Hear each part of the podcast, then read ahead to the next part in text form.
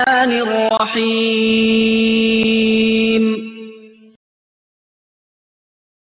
إنا نحن نزلنا الذكر وإنا له لحافظون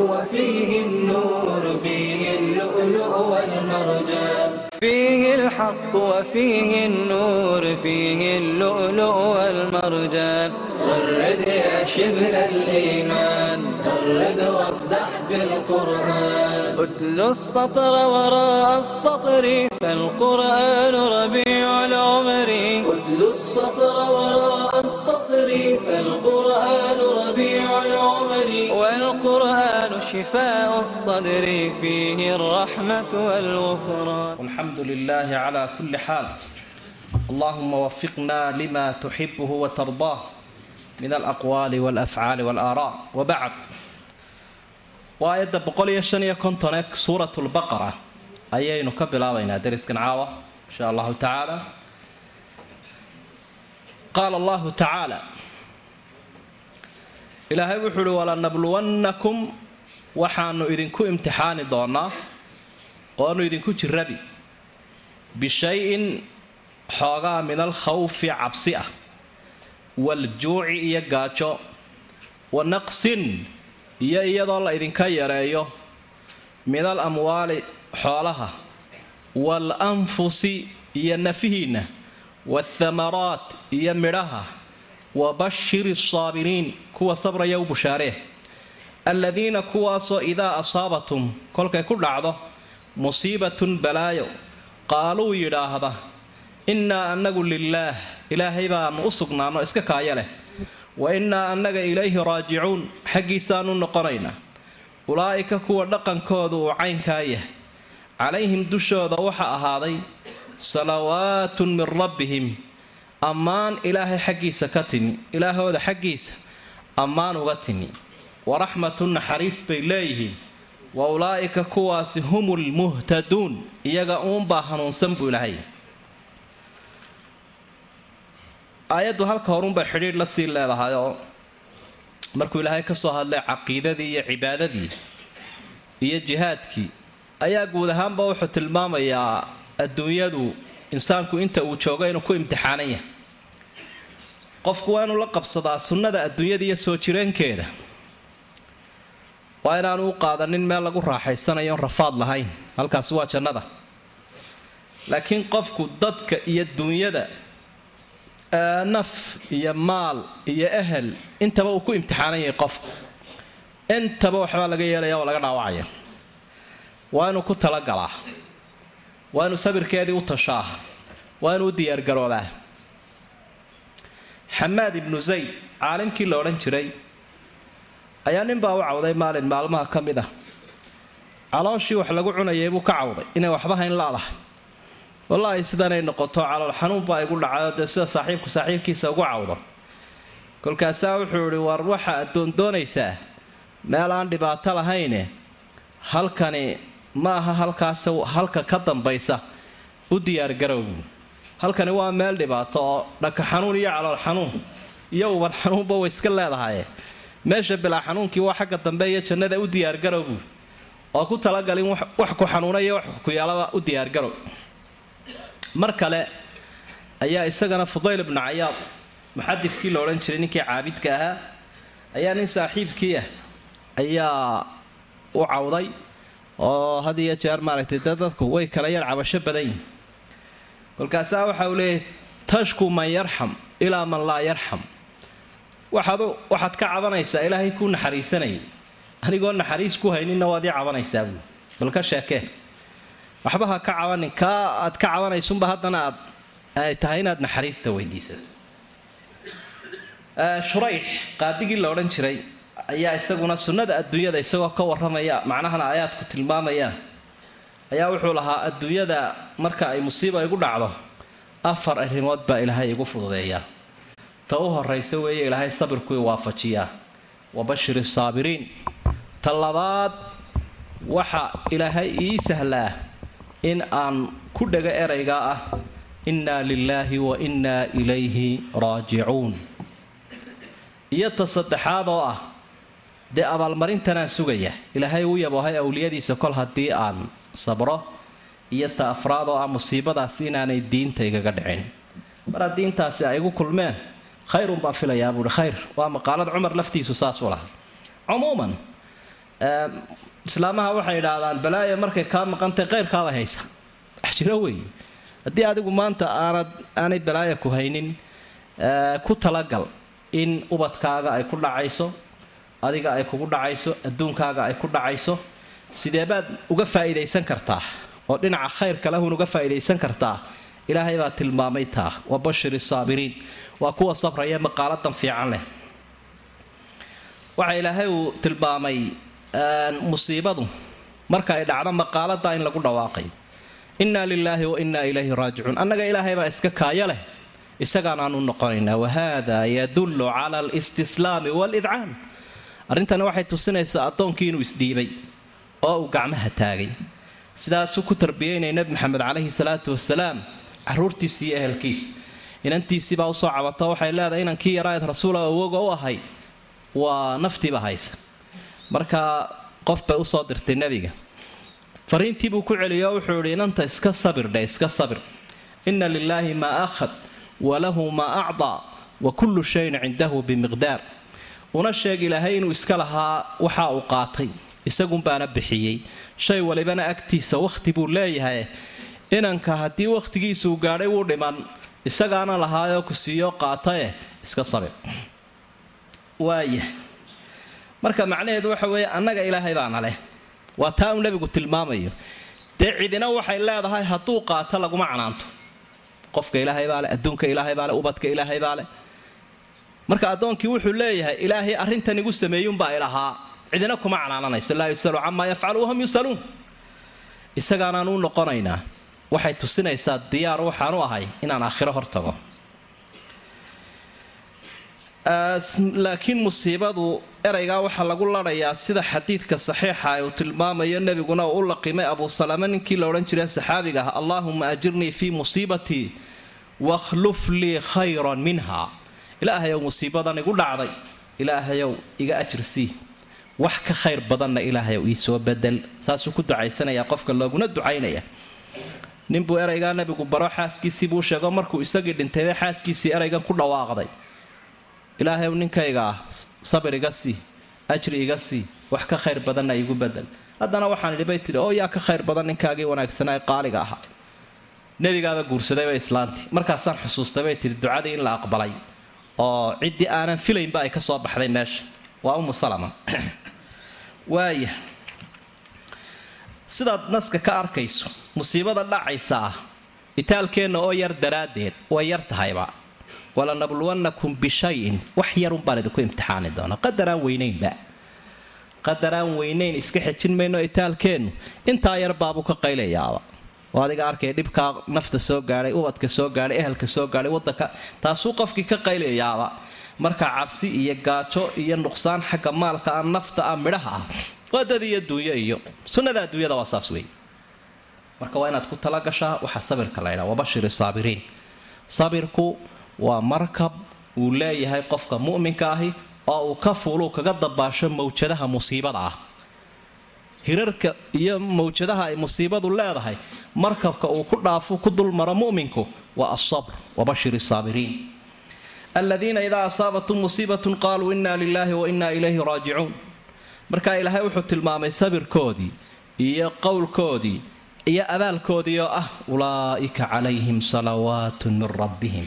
Waa ammaan weeye salawaatu naxariista waa noqdaa laakiin naxariistii waad xagga dambe ku sheegan ilaahay baa ammaanay naxariista way leeyihiin wa ulaaika humulmuhtaduun intaasu isugu daray waan ammaanay oon u naxariistay oon hanuuniyey kuwa lidaalik ayaa cumar ibnu khadaab baa aayadda sidan u eegayoo aad buu uga helay way ka farxisay wuxuu idhi nicma alcidlaani wa nicma alcilaawa wallaahi laba dhanrar iyo guradhig tanaa u qurux badan buu qofkii awrarunbaa garanaya taa yaryarkao dhan maa yafhamuun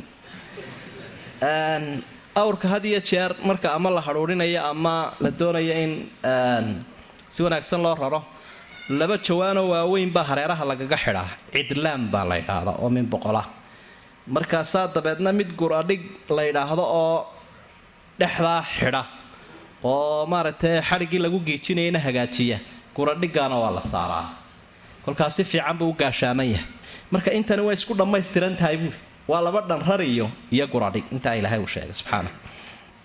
Ina safa buurta safa la ydhaahda buu ilahay hi walmarwata iyo buurta marwo la ydhaahdaa min shacaa'ir illaah calaamooyinka waaweyna diinta ilaahay bay ka midi faman xaja albayta qofka kacbada ilaahay u qastiya aw ictamara ama u cimraysta falaa junaaxa calayhi dembi ma saarna an yatawafa bihimaa inuu dhexdooda dawaafu saciyo oo labadaa uu dhex maru ordo dembi kama haysto.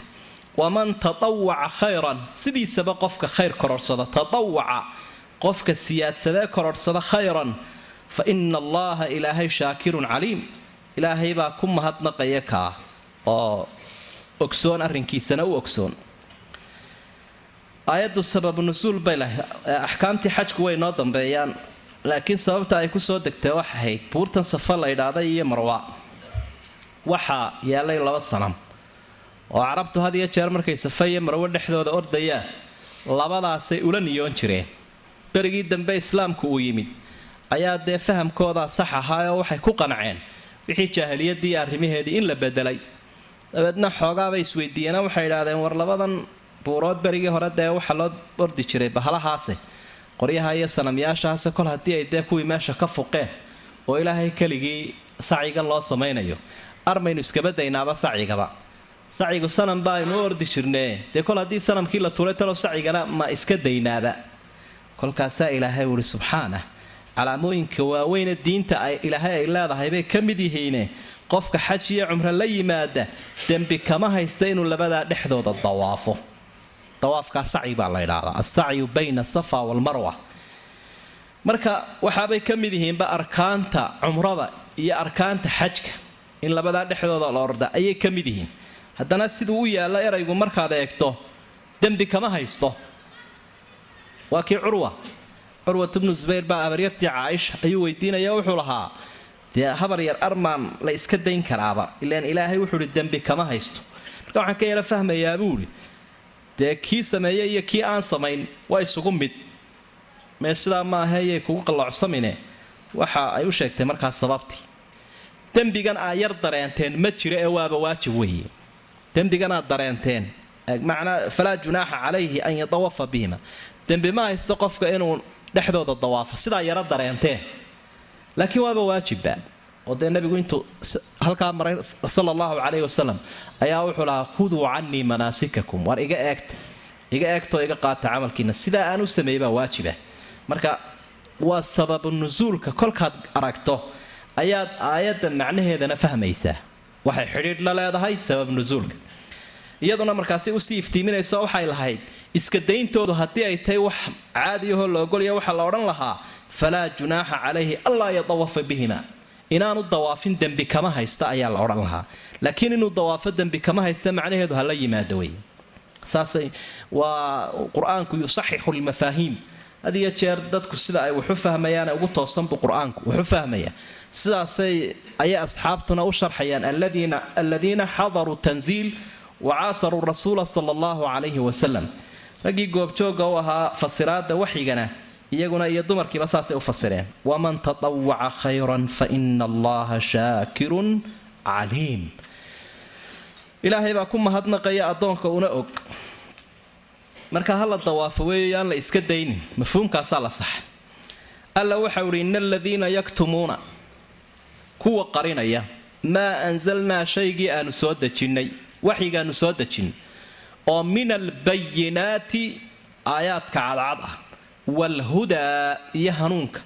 Min bacdi maa bayannaahu intii aan u cadaynay linnaas dadki intii aan ugu cadaynay filkitaab kitaabka. Intii aan ugu cadaynay kadib kuwa hanuunkii iyo xaqii caddaa qarinaya. Ulaa'ika kuwaa yalcanuhum ullah ilaahay baa nacdalaya oo fogaynaya wayalcanuhum allaacinuun cidda wax nacdalaysa ilaahay ka tala qaadataana waa nacdalaysa. Ila aladiina kuwii oo aan nacdashaa lahayn mooyaane. Taabuu towbadkeenee ka soo noqday dembiga. Wa aslaxuu wanaajiye waxay kharribeen wa bayanuu caddeeye wixii ay qariyeen fa ulaa'ika atuubu calayhim kuwa waan ka towbad aqbalaya ogaada buu ilaahay yidhi wa ana anigu buu ilaahay yidhi attawaab alraxiim kii in badan addoommaha ka toobad aqbalaan ahaye u naxariista ina aladiina kafaruu buu ilahay yidhi kuwii gaaloobay wamaatuu dhintay wahum kufaar iyagoo gaalo ah dadka dhintay ulaa'ika kuwa calayhim lacnatullah ilaahay cadhadiisa ayaa dushooda ahaatay waalmalaa'ika malaa'igta nacdashiyoodu ina dushooday ahaatay waannaasi ajmaciin dadkoo dhammina way nacdalayaan khaalidiina fiihaa nacdashaasay ku waarayaanoon ka hadhaynin ilaa waa cadaabuune. Laa yukhafafu canhum alcadaab cadaabkana lagama fududaynayo walaa hum yundaruun loona kaadin maayo. Marka waxa aad arkaysaa dee aslul masalaha aynu ku soo dhex jirnay iyo ciddaynu ka hadlayna waxaa nimankii reer banu israa'iil iyo qisadoodiioo gebagaba ahayd iyo dhaliilahoodii ilaahay uu ku eedeeyo ummaddan uga digayay si aanay u ambanin oo tubtii ay kuwaasi ku halaagsameen aanay u marin ammaanadu way kala duduwan tahay ammaanada cilmiga ayaa ilaahay uu ku eedeeyay culimmadii reer banu israa'iil inaanay caddaynin markhaatigii ay hayeen aanay muujinin laakiin ay qariyeenay ku bakhayleen ay ka badheedheen taana qofka jariimadaa la yimaada foolxumada uu leeyay bay aayaddu caddaysay markaa sideedaba qofka dheeraad leh? Ilaahay dadka qofba waxbuu ku dheeraad siiyaa qof cilmibuu ku dheeraad siiyaa qof cuud iyo xoolo ku dheeraad siiyaa qof cudud iyo awood buu siiyaa ama tiisa ha ahaato ama tuu isticmaalayo maamul ha ahaato. Qof caqliyad wanaagsan buu siiyaa qofka intuu ilaahay dheeraad siiyo si wanaagsan u isticmaala. Dadka dheeraad buu ka leeyaoo la ajri maaha. Qofka dheeraadkiisa si xun u isticmaala dhinaca xun uga faa'iidaystana dadka la dembi maaha wuu ka dembi badan yahay. Waanu ka cadaab badan yahay. Sidaa inuu qofkii u fahmo ayaa muhiimahoo dee isaga iyo kii caadiga aha ama waxaan ka madhnaa dheeraadka ah isku abaalmarin iyo isku xisaabtoona ma noqonayaan ha la ogaado. Sidaasaa markaa ilaahay qur'aanka markuu ka warramayo culimmadii reer banu israa'iil iyo xaaladooda mar dameeruu ku shabahay qur'aanka dhexdiisao mar aybuu ku shabahayoo tusaalaha xun waxay u yeesheen dee wixii wanaagga ahaa ayaanay runtii ka run sheegin ay ka been sheegeen. Nabigu calayhi salaatu wasalaam waxa uu ka warramayay qofka ilaahay cilmi siiye ee ku camal falaya dadka inuu ka dheeraad leeyahy ina alcaalima yastakfiru lahu kullu shayin xata alxiitaan fi lbaxr qofka caalimka cilmigiisa ku camal falaya ilaahay dembidhaaf waxa u weydiinaya shay walba xataa xayawaanaadka xataa noolaha faraha badan ee badda ku jira waa marka uu cilmigiisa ku camalfalayo ammaanadan gudanayo kuwa allaha inaga yeeleen marka laakiin taa uu ka been sheegana dee waa kan ilaahay nacdalay subxaanah. Cabduraxmaan binu sakhra dawsi abu hurayra asxaabigii kunyadiisu ahaydee axaadiidta badnaa ugu asxaab asxaabta ugu xadiid badnaa ayaa beryihii dambe laga yaabay. Wixii xikmad ahaa ee ka soo butaacayay berigii dambe kolkuu nabigu dhintay calayhi salaatu wasalaam dee cilmigu cidda uu isugu ururay ayuunbay noqotay uun in laga ag dhowaado. Shaaciraha waxau ihi sadrulmajaalisi xayu xalla labiibuha fakun labiiba wa anta sadru xayu xalla labiibuha. Qofka marka aqoon-yahanka ay meesha uu fadhiisto unbaa mafrishka ama fadhiga ah ayuunbaa isteerin u noqoto halka lagu ururaya ah. Fakun labiiba wa anta sadru lmajlis haddaba cidda markaa aqoon-yahanka a noqo adigu si aad dadka u hagta buu leeyahy marka asxaabta intii fatwada lahayd xadiidka badnayd shan kun iyo dhowr boqol xadiid buu lahaa ayuu warinayay. Ayuu ka mid noqday. Dabeedna dadku dee had iyo jeer qofku marka ilaahay nicmo siiya waa la isxaasidaa. Istaciinuu umuurakum bilkitmaani fa ina kula dii nicmatin maxsuud. Afar xasan darajadiisu ay tahay baa sidaa tilmaamayay qof kastoo nicmo leh waxa iskaga abuuran bani aadamku inay xaasidaan. Waa arrin iska dabiiciya wey qof kastoo taqwadiisu ay yar tahay kaa markaasuu ka dabadhacaya laga daba qaadanaya. Dabeedna dadku waxay dhahaan akara abu hurayra. Ninku xadiis badan ah. Xadiiskiisu miyaanu dhammaanayn baanu kala joogsanayninba. Wuu ku dhex darayaabay u qarinaya. Baryihii dambe iyadoo maaragtay dee fitnooyinku iska dhaceena asxaabta qaarkood la yara nuuneeyey ay dadka qaarkood wax ka sheegeen iyagoo wanaagsanaaba ayay yidhaahdeen akara abu hurayra war ninkaasi wuu farabadiyey qaarkood waabay u imanayeen sida marwaan oo kale. Intuu sanad xadiis ka dhagaystay buu bisha bisheedii ayuu yimid oo markaasuu haddana lahaa bal xadiiskii berigii hore aad noo akhriday noo sheeg.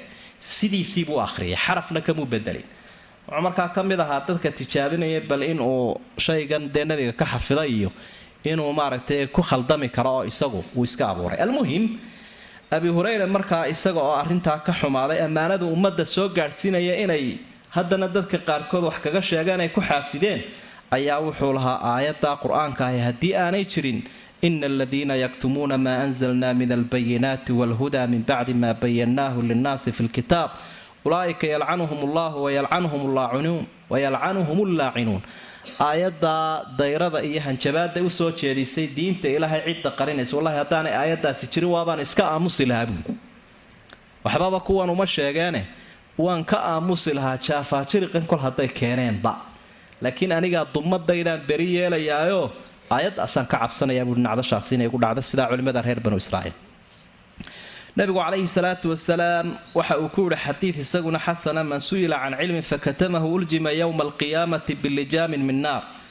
Qofka intoo cilmi la weydiiyo qariya maalinta qiyaamaha waxaa loo geliya xakame naara. Nacuudu billahi min dalik cilmigu wuu sii kala duwanya waa cilmi lana su'aalay baahina loo qabo. Badiilna aanu jirin oo dee cid kale oo maaragtay lagaga maarma aanay jirin. Inahaa marka la ysugu daro ciqaabkaasuu yeelanayaa.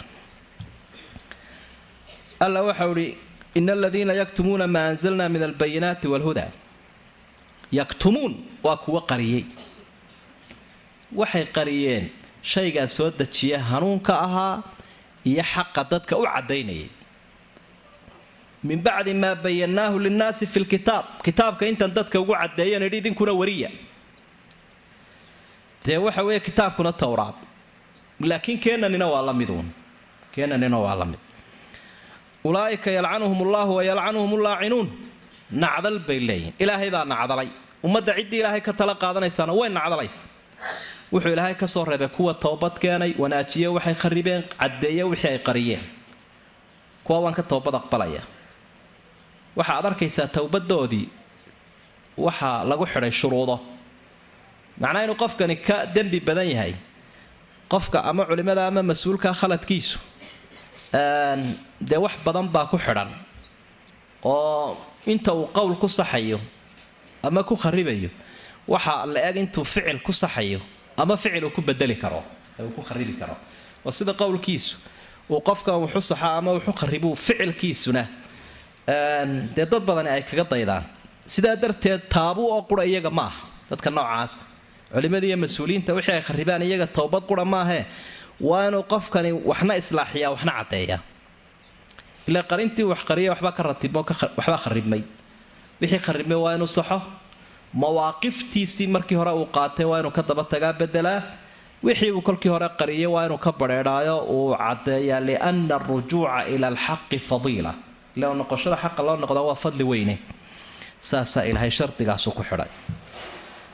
Ina aladiina kafaruu wamaatuu wahum kufaarun ulaaika calayhim lacnat ullaahi wlmalaaikati wannaasi ajmaciin. Kuwa gaaloobee sidaa ku dhintay toobadkeenin dee ilaahay iyo malaaigtiisa iyo muminiintuba way nacdaleen culimadu waxay isweydiiyaan gaalka malna lacnadi karayaa lacna dusha ma looga tuuri karayaa ha gaalka iyo caasigaba waa la odhan karayaa ilaahay ow gaalada nacdal dadka cusaadee waxaa sameeya nacdal waanay ka soo aroortay nebiga calayhi salaatu wasalaam. Aayaddii qur'aanka ahaydna dee waynu ku haynaa. Ilaahay baaba waxa uu leeyahy kuwa ah anna waa nacdalay. Malaa'igtaydina way nacdashay mu'miniintuna way nacdaleen nebiguna calayhi salaatu wasalaam iyo asxaabtiisuba marka ay salaadaha tukinayaan qunuudka way nacdali jireen gaalada iyo mujrimiinta. Rasuulkuna sala allahu calayhi wasalam waa kii lahaa lacana allahu saariqa yasriqu lbayda ilaa akhir alxadiid tuugga allaha nacdalo. Wax yar buu xadayaa markaasaa gacantiisi qaaliga ahayd lagu jarayaa marka si guud qofka macsiya jariimad sameeyey hadduu gaal yahay hadduu caasi yahayba nusuusta way ku soo aroortay in la nacdali karayo. Waxay ka muransan yihiin qofka mucayanka ee gaarka ah. Shaqsigu haddii uu yahay shaqsi mucayanahoo gaara gaar ahaantiisa in loo nacdalo taasunbay leeyihiin. Ma wanaagsana. Culimada in badan oo ka midi leanna uma garanayna inuu toobad keeniyo dabeetana uu wixii nacdasha uu ku mutaysta ka bixi doono. Iyo in kale. Khaalidiina fiiha laa yukhafafu canhum alcadaabu walaa hum yundaruun. Khaalidiina fiiha way ku waarayaan maxay? Cadaabka nacdashiibaa cadaaba. Naxariistiisuna waa janna ilaahay. Nacdashiisuna waa cadaab. Saa darteed buu nabigu diiday calayhi salaatu wasalaam kelmadaa nacdasha ah qof aan ehel u ahayn in lagu tuuro. Haddii lagu tuurana dee qofkaasa khatar ku sugan. Wa ilaahukum. Alla wuxuu ihi ilaahiinu ilaahun waaxid. Waa ilaah keliya. Laa ilaaha ilaa huwa. Ilaah xaq lagu caabudaa ma jiro isaga mooyaane. Alraxmaan kii naxariistiisu ay gaal iyo islaamba dhammaystirtay weeye adduunyada. Alraxiim kii mu'miniinta iyo awliyada uun jannada ugu naxariisanaya weeye. Alla wuxuu uhi inna fii khalqi samaawaati waalard abuurka samooyinka iyo dhulka. Wakhtilaafi alleyli waannahaar iyo habeenka iyo maalinta isweydaarkooda. Waalfulki iyo doonnidii waxa ku sugan allatii tajrii fi lbaxri doonyaha dhex soconaya badda dhexdeeda bimaa yanfacu nnaas dadka wax waxtar u ah oo khayr u leh doonyaha badda la dhex maraya waxa ku sugan wamaa anzala allahu min asamaa'i xagga kore ilaahay wuxuu ka soo dejiyo min maa'in biyo ah waxa ku sugan fa axyaa bihi larda bacda mowtiha biiba ilaahay uu ku nooleeyo dhulkii intuu dhulku dhintay kadib. Wa batha fiihaa waxa uu ku faafiyey dhulkii ilaahay min kulli daabbatin xayawaan oo dhan buu ilaahay ku faafiyey alla waxa ku dul nool oo dhan buu ilaahay ku faafiyey. Xayawaankaa waxa ku sugan wa tasriifi riyaax. Dabaylaha isbadbedelaya waxa ku sugan wasaxaabi almusakhar iyo daruurta la sahlay bayna alsamaa'i waalard cirka iyo dhulka daruuraha. Sidaa isaga ceegaaga ee isaga degan waxa ku sugan. Intaasoo aan soo sheegay buu ilaahay yidhi la aayaat calaamooyin waaweyn liqowmin yacqiluun ciddii aqoon leh. Waxgarada meel dheer ka fikiraysa. Intaasoo arrimoodba ilaahay bay bari karayaan dadka. Intanoo arrimoodba waa aayaad. Tadullu cala allahi wa calaa waxdaaniyati wa calaa qudrati wa calaa ixkaami. Intaasoo arrimoodba aayad baa ku sugan baa ilahay marka ummadda uu waaninaya qur'aanku waa inagii soo nidhi siyaabaha u waaniyay ka mid tahay taaratan yudakir biaayaat illaah mar ilaahay wuxuu ku waaniyay aayadaha ilaahay. Aayadihii ilaahay uu ku waaninayay addoommaha ayaynu maraynaa. Marka aayadahaasina mar waa mucjisaadka rasuulka sala allahu calayhi wasalam marna waxa weeye aayaadka qur'aanka oo dee waa kan ilaahay ka soo hadlaya qiimaha uu leeyahy qofkii muujiya aayaadka. Eediyo inkaarta uu leeyahy qofkii qariyay aayaadka ilaahay uu ku waaninaya waxaa ka mida ummadda al aayaat alkowniya aayadaha kownka macnaa caalamkan aynu ku noole cirkiisiyo dhulkiisiyo bad iyo berri aayadaha inooga muuqanaya. Marka waa sida aynu misxafkan u akhriyayno. Ee indhaheenna aynu ugu akhriyayno. Sidaasoo kale aayadahan ilaahay uu tilmaamayu ku sheegay aayadan boqol iyo afar iyo lixda iyaguna akhrin ugu baahan yihiin intood habeenkii bannaanka u baxdo inaad eegto aafaaqda iyo jihooyinka iyo qoraxda iyo dayaxa maalin iyo habeenba iyo xidigaha iyo bal mid waliba habka u socdo guga iyo jiilaalka iyo dayrta iyo xagaaga umuurtaa inaad iyagana akhrido saasuu ahaa rasuulku sala allahu caleyhi wasalam isagoo aayaadkan ku camalfalaya habeenkii intaanu aayadaha qur'aanka u bixin inuu ku cibaadaysto u akhriyo ka hor dabaduu bixi jiray. Kolkaasuu dabeetana suuratu alicimraan aakhirkeeda aayaadka macnaha sheegaya ina fii khalqi samaawaati walard ayuu akhriyi jiray rasuulku sala allahu caleyhi wasalam intuu kownka saa u eego. Waana dee markaa waxaa la doonaya inaanu xaalkaagu noqonin sidii qarandidii layidhi bilay bilkhayr unbay tidhaahdaa goorma dee bishii ay xagganay ka godkay qodaysaayo waxay ka aragtaa baalaya xaggaa dambe dayaxiioo dhowr iyo tobanba maraya. Xaggii xaggan laga eegay dabeedna bilay bilkhayr bay tidhaahdaa. Macnaha dee qarandidu mala waaba laga yaaba inaanay saa odhanin dadku waxbay kula baxayaanoo qofka yaro foorara unbay uga jeedaa qofka wakhti dambe toosee foorara ayuunbay uga jeedaa marka waxa uu nasku ina barayaa kitaabka kownka inaynu isagana akhrino aayadaha ku yaalla aayadna macnaheedu waxa weeye calaama shay ay u calaamo tahayna waa inay jirtaa. Intanoo dham waxay u calaamo yihiin ilaahay jiritaankiisa iyo waaxidnimadiisa iyo inuu awood yeeshay macnaha cibaadada xaqu yeeshay maadaamuu awoodahan leeyahy maamulkiisa wanaagsan. Intaasoo dhanba aayad ba weyin wa fii kulli shayin lahu aaya tadullu calaa annahu waaxidu.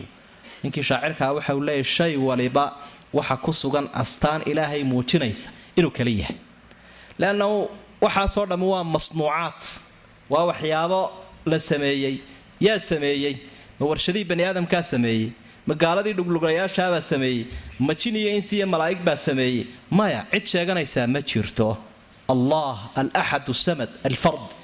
Ilaahay baa keligii masnuucaadkaasoo dhan sameeyey. Marka masnuucu shayga la sameeyey saanic buu muujinayaa farsamo wanaagsano waxba ka xumaanayn.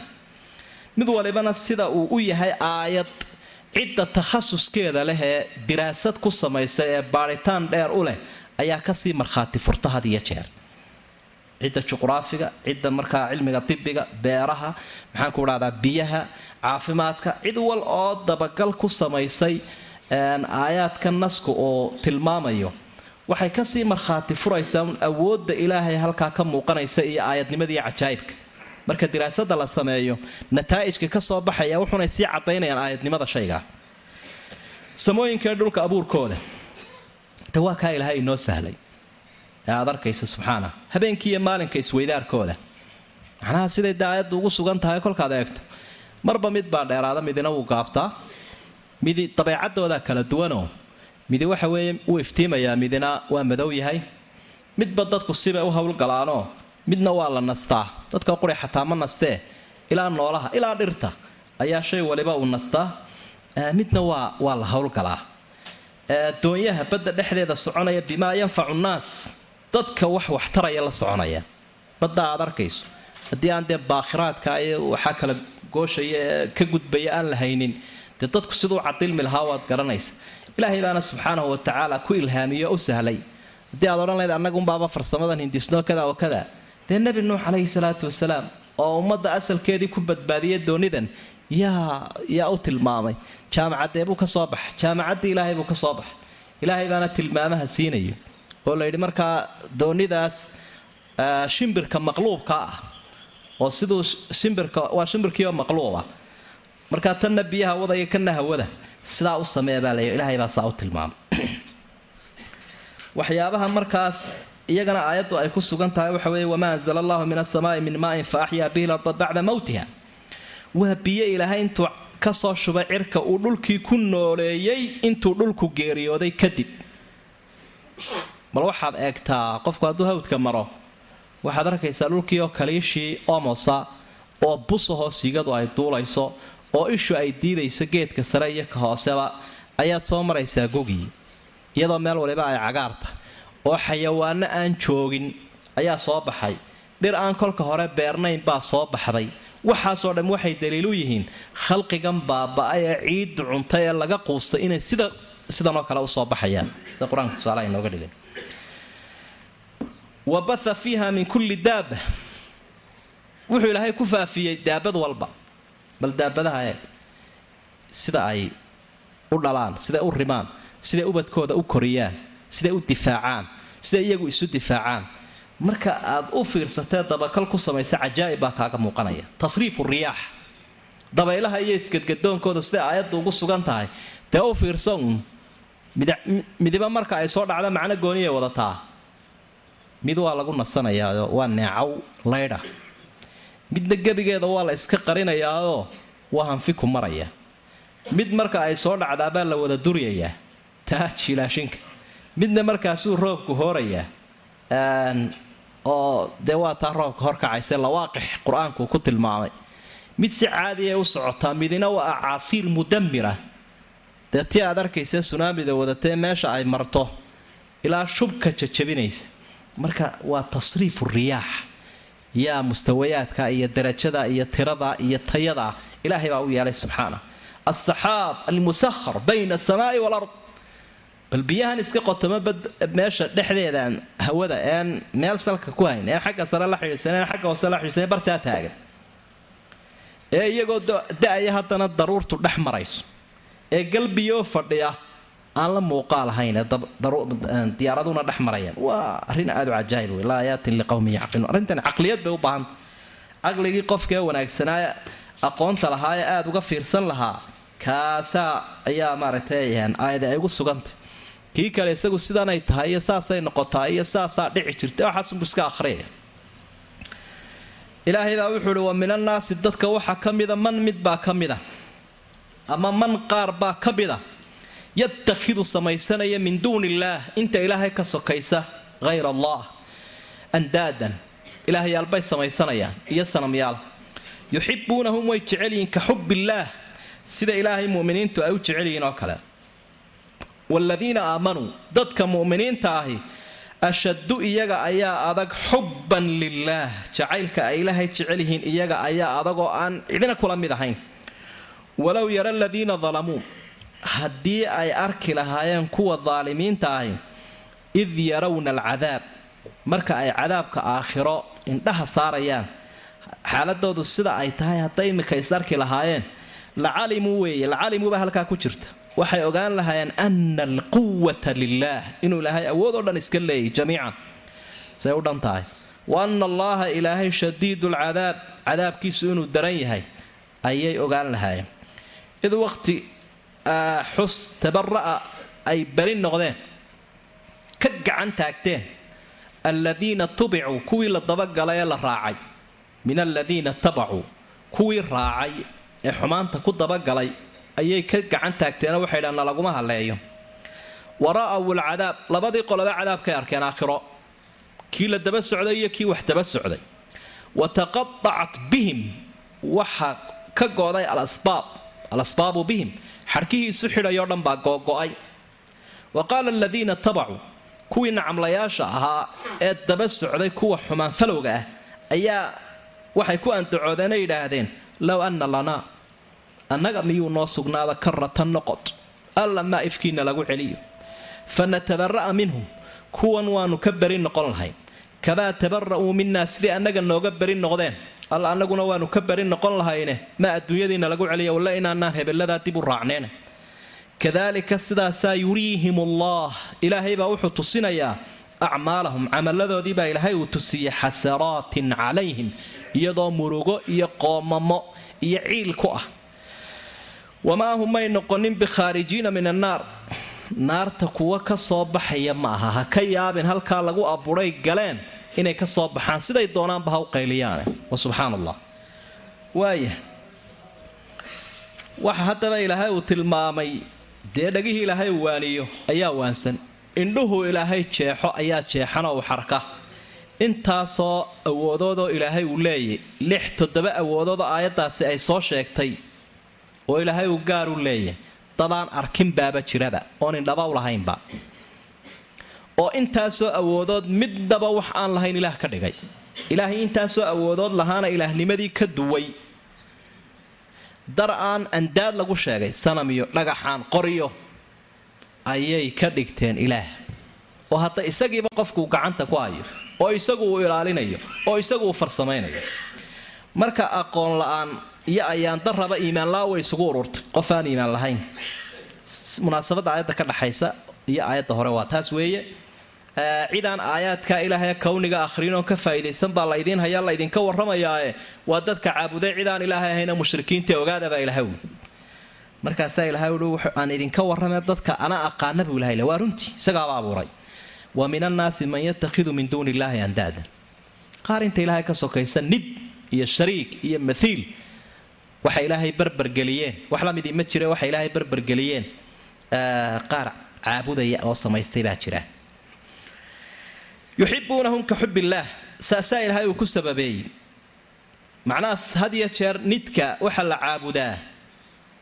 Wuu noqon karaa wax maxsuus ahoo la taaban karayo. Sida qoryaha iyo sanamyaasha iyo dhagaxaanta iyo waxaa wuu noqon karayaa wax mabaadi'ah. Mabda' buu noqon karaa waayo qaacidadan baa loo qaadanayaa yuxibuunahum ka xubillaah sidii ilaahay loo jeclaa wax kasta oo la geliyo halkii ilaahay laga jeclaan lahaa isaga laga jeclaado. Sidii ilaahay looga tala qaadan lahaa isaga looga tala qaato. Sidii ilaahay diintiisa loo difaaci laha ama loogu helin laha isaga loogu heliyo. Dee tanunbuu soo gelayaa yuxibuunahum ka xubillah waayo dadka qaarkoodba adduunyada dee sanamkooda iyo shariigooda uu yahay mabaadi mabaadi qaarkood baa qur'aanku ku tilmaamay ilaahoodu inuu yahay maxay? Hawada. Afara'ayta man ittakhada ilaahahu hawaahu dadka qaarkood baa caabuda xorriyadda waa yuxibuunahum ka xubillaah oo waxa hogaaminayoo dhamme ay tahay waxa naftiisu jeceshahay oo wuxuu leeyahy mabda'aygu waxa uu yahay cunadaydu waxa ay tahay aragtidaydu waxa ay tahay wax walba waxaan doono. Waa alibaaxiyiin dadka loo yaqaano. Eele wax waliba waa inuu mubaax noo noqdaa marka cid kasta oo sida ilaahay uga tala qaadan lahayd ee uga dambayn lahayd wax kale uga dambeeya waxaasaa nid iyo shariik u noqday. Yuxibuunahum ka xubillaah laakiin ilaahay wuxuu tilmaamay cidda ilaahay rumaysane caabudaysa inaanay jacaylkeeda ilaahay jeceshay wax la midii jirin. Waaladiina aamanuu ashaddu xubban lilaah waayo addoommaha mu'miniinta ahay markay ilaahay jecel yihiin dee siduu nebigu u laqimay calayhi salaatu wasalaam weeye jacaylkoodu naftooday ka jecel yihiin ubadkooday ka jecel yihiin oryahooday ka jecel yihiin ehelkooday ka jecel yihiin maalkooday ka jecel yihiin marka qofku intaaba ilaahay ka jeclaado wajada xalaawat aliimaan macaankii iimaanku helay. Rasuulkana sala allahu caleyh wasalam isagana saa u jeclaado. Waaladiina aamanuu ashaddu xubban lilaah xubbiga ilaahay awliyadiisu ay jeceshahay. Waa mid ay ka baqayaan oo ay ka haybadaysanayaan oo ay u khushuucayaan. Baqaha ay ka baqayaan subxaana waa mid leh haybadiisa waa mid leh inay ku weynaynayaan ay u khushuucayaan. Waaladiina aamanuu ashaddu xubban lilaah lama hayo cid kale oo u dhimanaysa oo naftooda iyo maalkoodaba ku bixinaya. Jacayl ay jecel yihiin macbuudkooda iyo ka ay caabudayaan mu'miniinta mooyaane muminiintu waa kuwa naftooda iyo maalkoodaba ku bixinaya jacaylka ay ilaahay ku jecel yihiin fii sabiili ixqaaqi alxaq haddaba waxa ilaahay uu ka warramay waxaan adduunyada isdaba socda wixii iscaabudaya iyo wixii isku mabaadida ahaa iyo wixii baadilka isku daba socdayba aakhiro kale beri noqonaya. Waayo dabeecadda insaanku waxa weeye haddii la guulaystana in la isu soo hiloobo oo la isu jiibiyo oo la isjeclaado la isku ururo. Haddii la jabana waana la is-eedeeyaa waana la kala yaacaa waana la kala cararaa marka muuminiintu way guulaysteen aakhiro. Xaqii ay wadeenay ku walaaloobeenay xaqiijinayeenna way majeeranayaan waaka ilaahay qur'aanka kaga warramay subxaana dadka muminiinta ah suuratu tuur. Wa aqbala bacduhum calaa bacdin yatasaa'aluun wayse soo qaabilayaan iyagoo iswaraysanaya oo ka sheekaysanaya adduunyadii. Qaaluu innaa kunna min qablu nadcuuhu innahu huwa albaru raxiim ilaahay baa inoo adduunkii markaynu joognaynu ilaahay caabudaynayo taasaynu ku nabadgallo oo innagaa halkan ku farxayna. Kuwanna sidana ilaahay uga warramay subxaana id tabara'a aladiina tubicuu min aladiin walow yara aladiina dalamuu id yarawna alcadaab. Marka lowdu inta badan jawaab bay qaadataa. Mararka qaarkoodoonay jawaab qaadanna way jirtaa sida aayadda dambe. Low anna lanaa kara oo xarfu tamani una iska noqoto. Walow yara aladiina dalamuu kuwii daalimiinta ahaa ee dulmifalayaasha ahaa eedaysanayaashii dhagarqabayaashii ilaahay ka eedoobay adduunyadii hadday arki lahaayeen id yarawna alcadaab. Cadaabka kolkay aakhiro arkayaan haddii maanta la soo hordhigi lahaa xaalkoodu siduu yahay.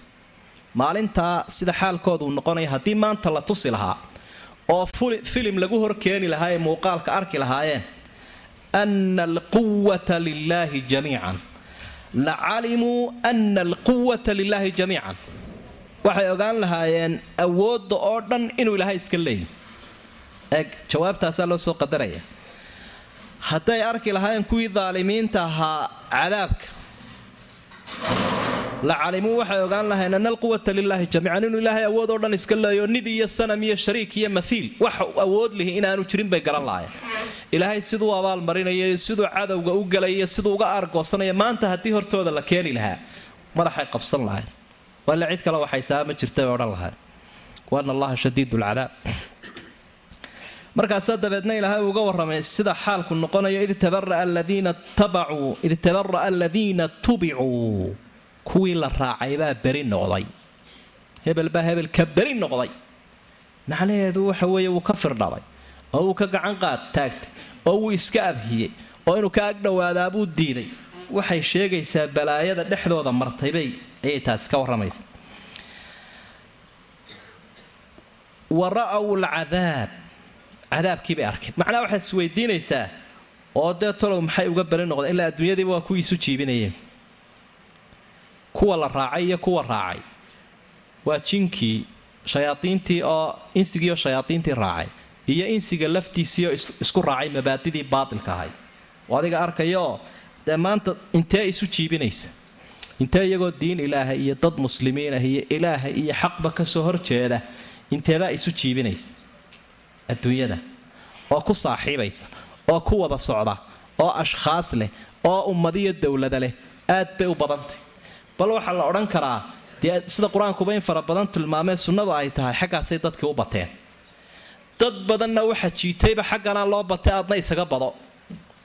Meel lagu hadhaa ma jirte baashu dhan bay u maroorsantae wax caalami la ydhahdaa jiro caalamku meelunbuu u socdaae yaanaad go'doomina adiguna iska raaca waa utubicuu wa tabacuu marka waa qur'aanku magacaasi u bixiyey. Waa daba socod ninkaa hebel arrin ma hayo waa daba socod. Kaasuu dabadhilif u yahay cadaabkii ilaahay bay arkeenoo wataqadacat bihim lasbaab sababihiina way go-een. Cadaabkii ilaahayna waa la arkay. Xadhkihii isu hayay adduunyadana way googo-een aakhira dadkan inay kala yaacaan waxa keenay buu ilaahay yidhi laba arrimood. Cadaabkii ilaahaye markii hore ka dahsoonaa adduunyadii ayaa imika muuqdo hortooda la keenay. Naar u soo bu-aysa uun iyaga ayaa halkan soo taagan oo malaa'igtuna dib u hayso. Wanacuudu billaahi minha waxa kaleoo ilaahay wuxuu tilmaamay wataqadacat bihim lasbaab asbaabtii baa gooday macnaha wataqadacat alasbaabu bihim. Xarkihii isu hayay. Xarkaha adduunyada dadka isu haya aan xaq ahayn saasay u go'aya qaarkood ehelnima isu hayso isku qalun bay ahaayeen. Qaarkood maslaxad baa isku haysayoo maal bay isku qabeen. Qaarkood siyaasad baa isu keentay qaarkood taxaaluf baatila.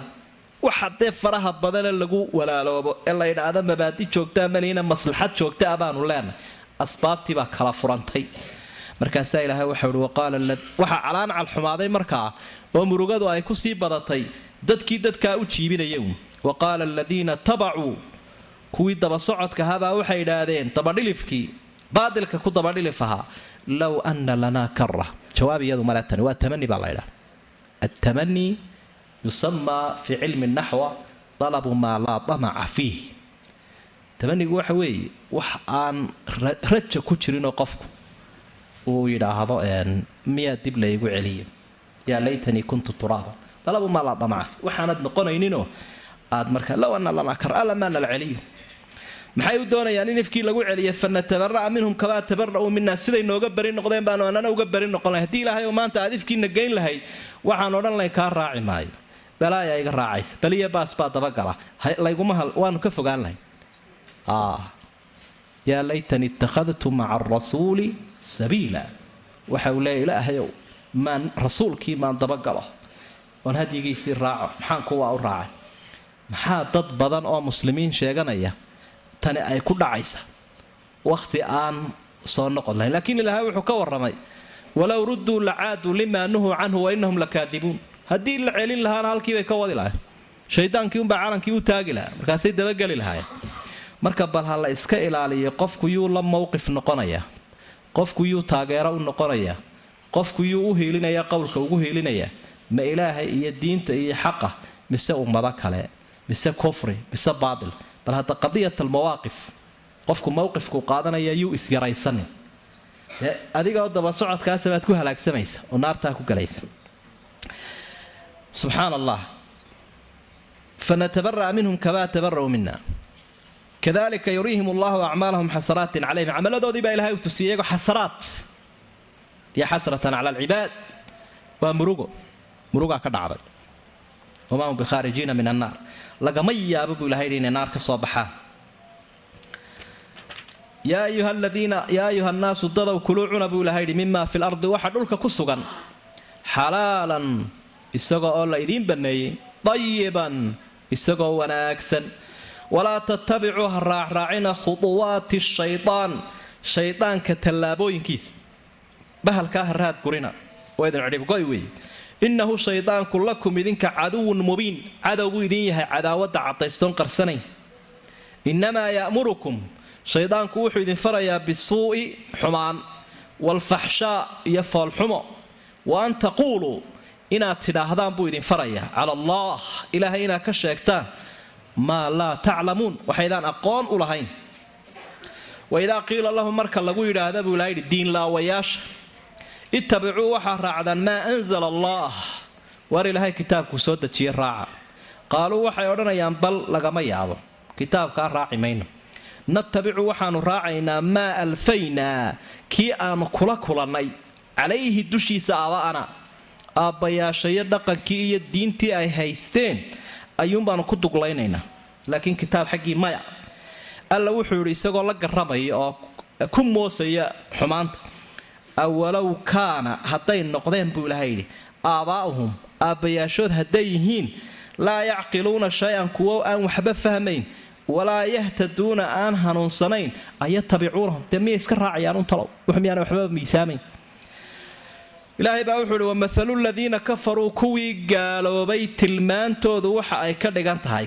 Macnaha mudaaf baa ku jira wamahalu daaci aladiina kafaruu kuwa gaalada ah qofka u baaqaya diin ugu baaqaya qofkaasi wuxuu la mid yahay ka mahali ladii qofkii oo kale yanciqu u dhawaaqaya. Bimaa shay buu u dhawaaqaya laa yasmacu aan maqlayn ilaa nidaa'an ilaa ducaa'an yeedhmo wa nidaa'an iyo cod. Codka bowbowdiisa un wax maqlaya. Qofuu yeedhayo kale u ka dhigan yihiin summun way dhagalaayihiin bukmun way aflaayihiin cumriyun way indhalaayihiin fahum laa yacqiluun wax alla waxay garanayaan ma jiro.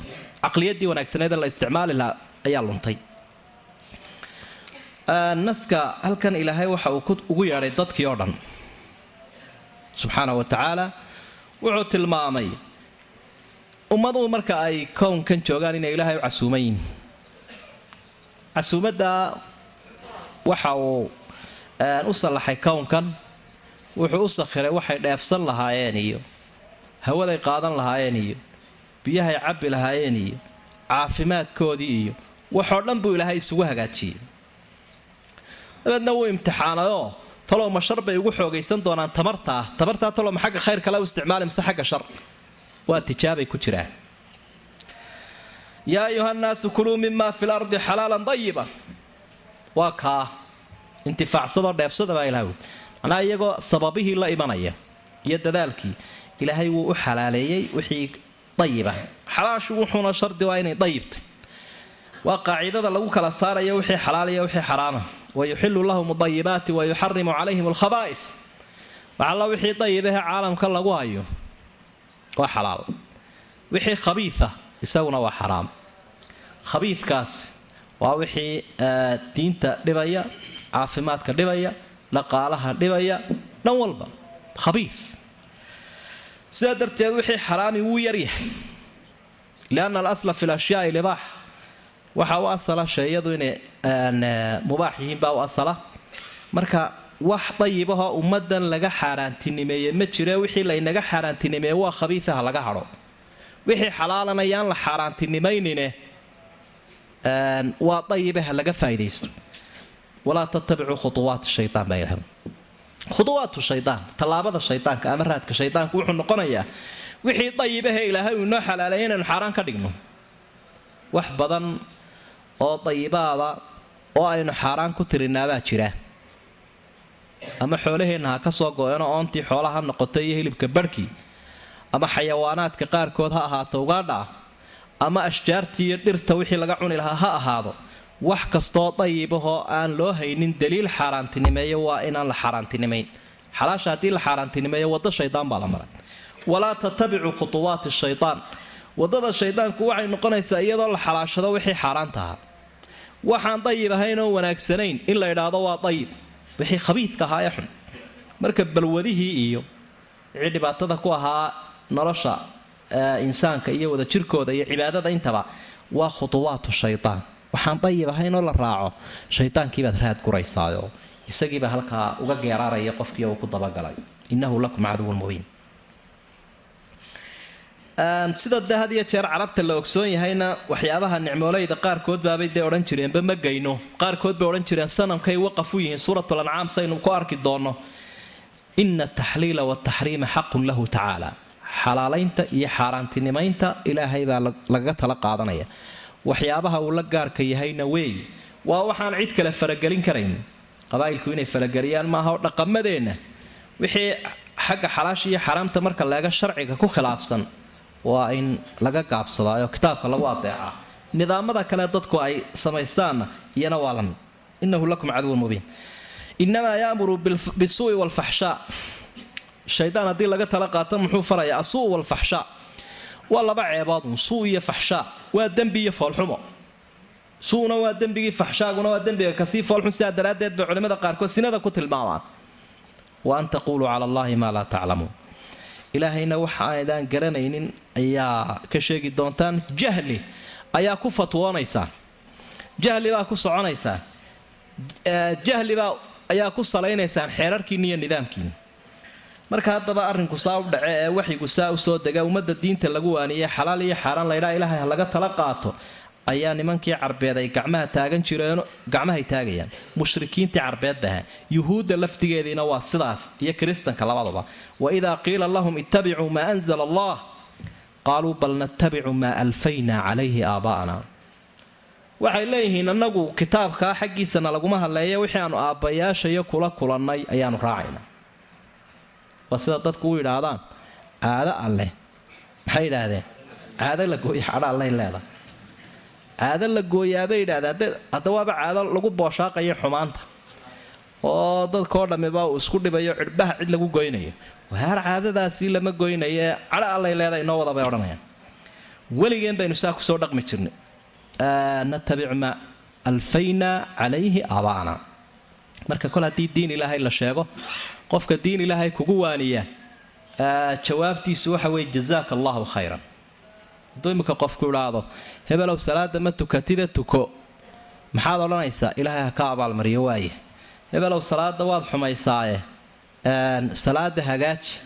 Jazaaka allahu khayran. Halkaan ka xumaynaya halkaa iyo halkaa waaya ummad yahay sharciga kuma dhaqantaana ku dhaqma.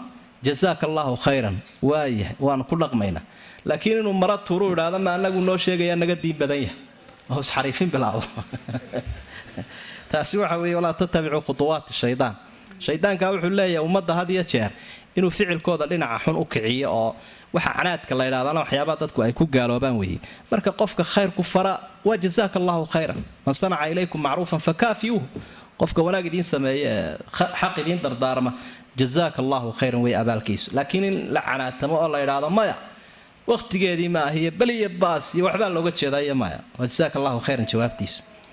Waa qofku yihi salaada tuko waan tukanayaan wey jawaabtiisu. Waayahay marka nimankaasi kitaabka saasay u gacan taagteenoo dhaqankii aabbayaashooda kufrigaabay ku adaygeen awalow kaana aabaa'uhum laa yacqiluuna shay-an walaa yahtaduun bal su'aashaa eeg haddaanay aabbayaashood ahayn kuwo aan caqlina lahayn hadday yihiin hanuunsanayna miya iska raacayaan marka usha boocda ah allatii yataki'u calayha kullu caajis huwa taqliid.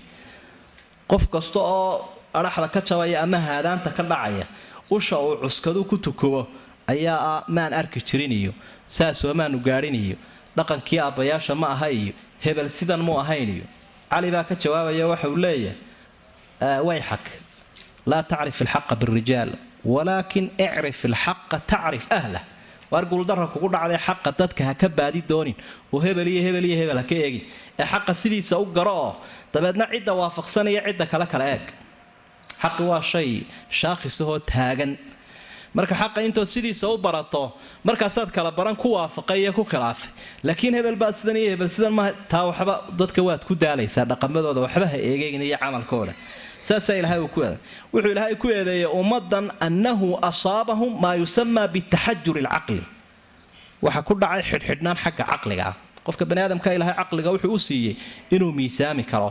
Maxaa xun maxaa wanaagsan? Inuu miisaami karo. Tii bay kala garan waayeen ilaahay waxa uu xusay qofka u dhawaaqaya qof aan diin iyo iimaantoona lahayn caqligaasi ka xumaaday balka u yeedhayaa muuqaalkuu leeyahay iyo kaa loo yeedhaya inaan waxba ka faa'iidaysanayn. Wa mathalu aladiina kafaruu kuwa gaalada ah ka u yeedhayaa wuxuu la mid yahay ka mathali aladii yanciqu qofka u dhawaaqaya bimaa laa yasmacu ilaa ducaaan wanidaan yanciq waa qof u yeedhaya. Wax aan maqlaynin ducaa iyo nidaa waa yeedhma uun. Bal adigu neef xoola ah u dhawaaq neefkaasi dee waxa aad ku hadlaysa ma garanayo. Xarfaha ma kala saarayo laakinahu yasmac sawtan. Sawt buu maqlayaa. Si kale haddii loo dhigo qofku markuu fogaado aad u yeedho had iyo jeer waxa uu maqlayaa un bowbowda codka. Laakiin kelimaadka ma kala saarayo.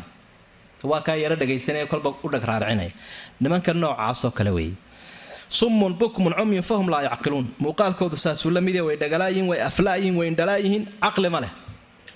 Marka halkaa waxaad ka arkaysaa caqli aan cilmi lahayn. Caqligu hadduu cilmigii samaawiga haa waayo caqliga hadduu insaan ku garan waayo ilaahay caqligu hadduu garan waayo halkee laga keenay muxuu u socdaa maxaa loo abuuray? Yaa xaq ku leh.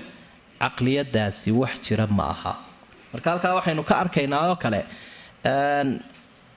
asal inuu asal u yahay cilmigu caqligii oo had jeer haddii dee dadka caqligooda uu ku filan yahay oo aanay cilmi u baahnayn ilaahay wuu iska dayn lahaa rususha iyo kutubtaba wuu iska dayn lahaa.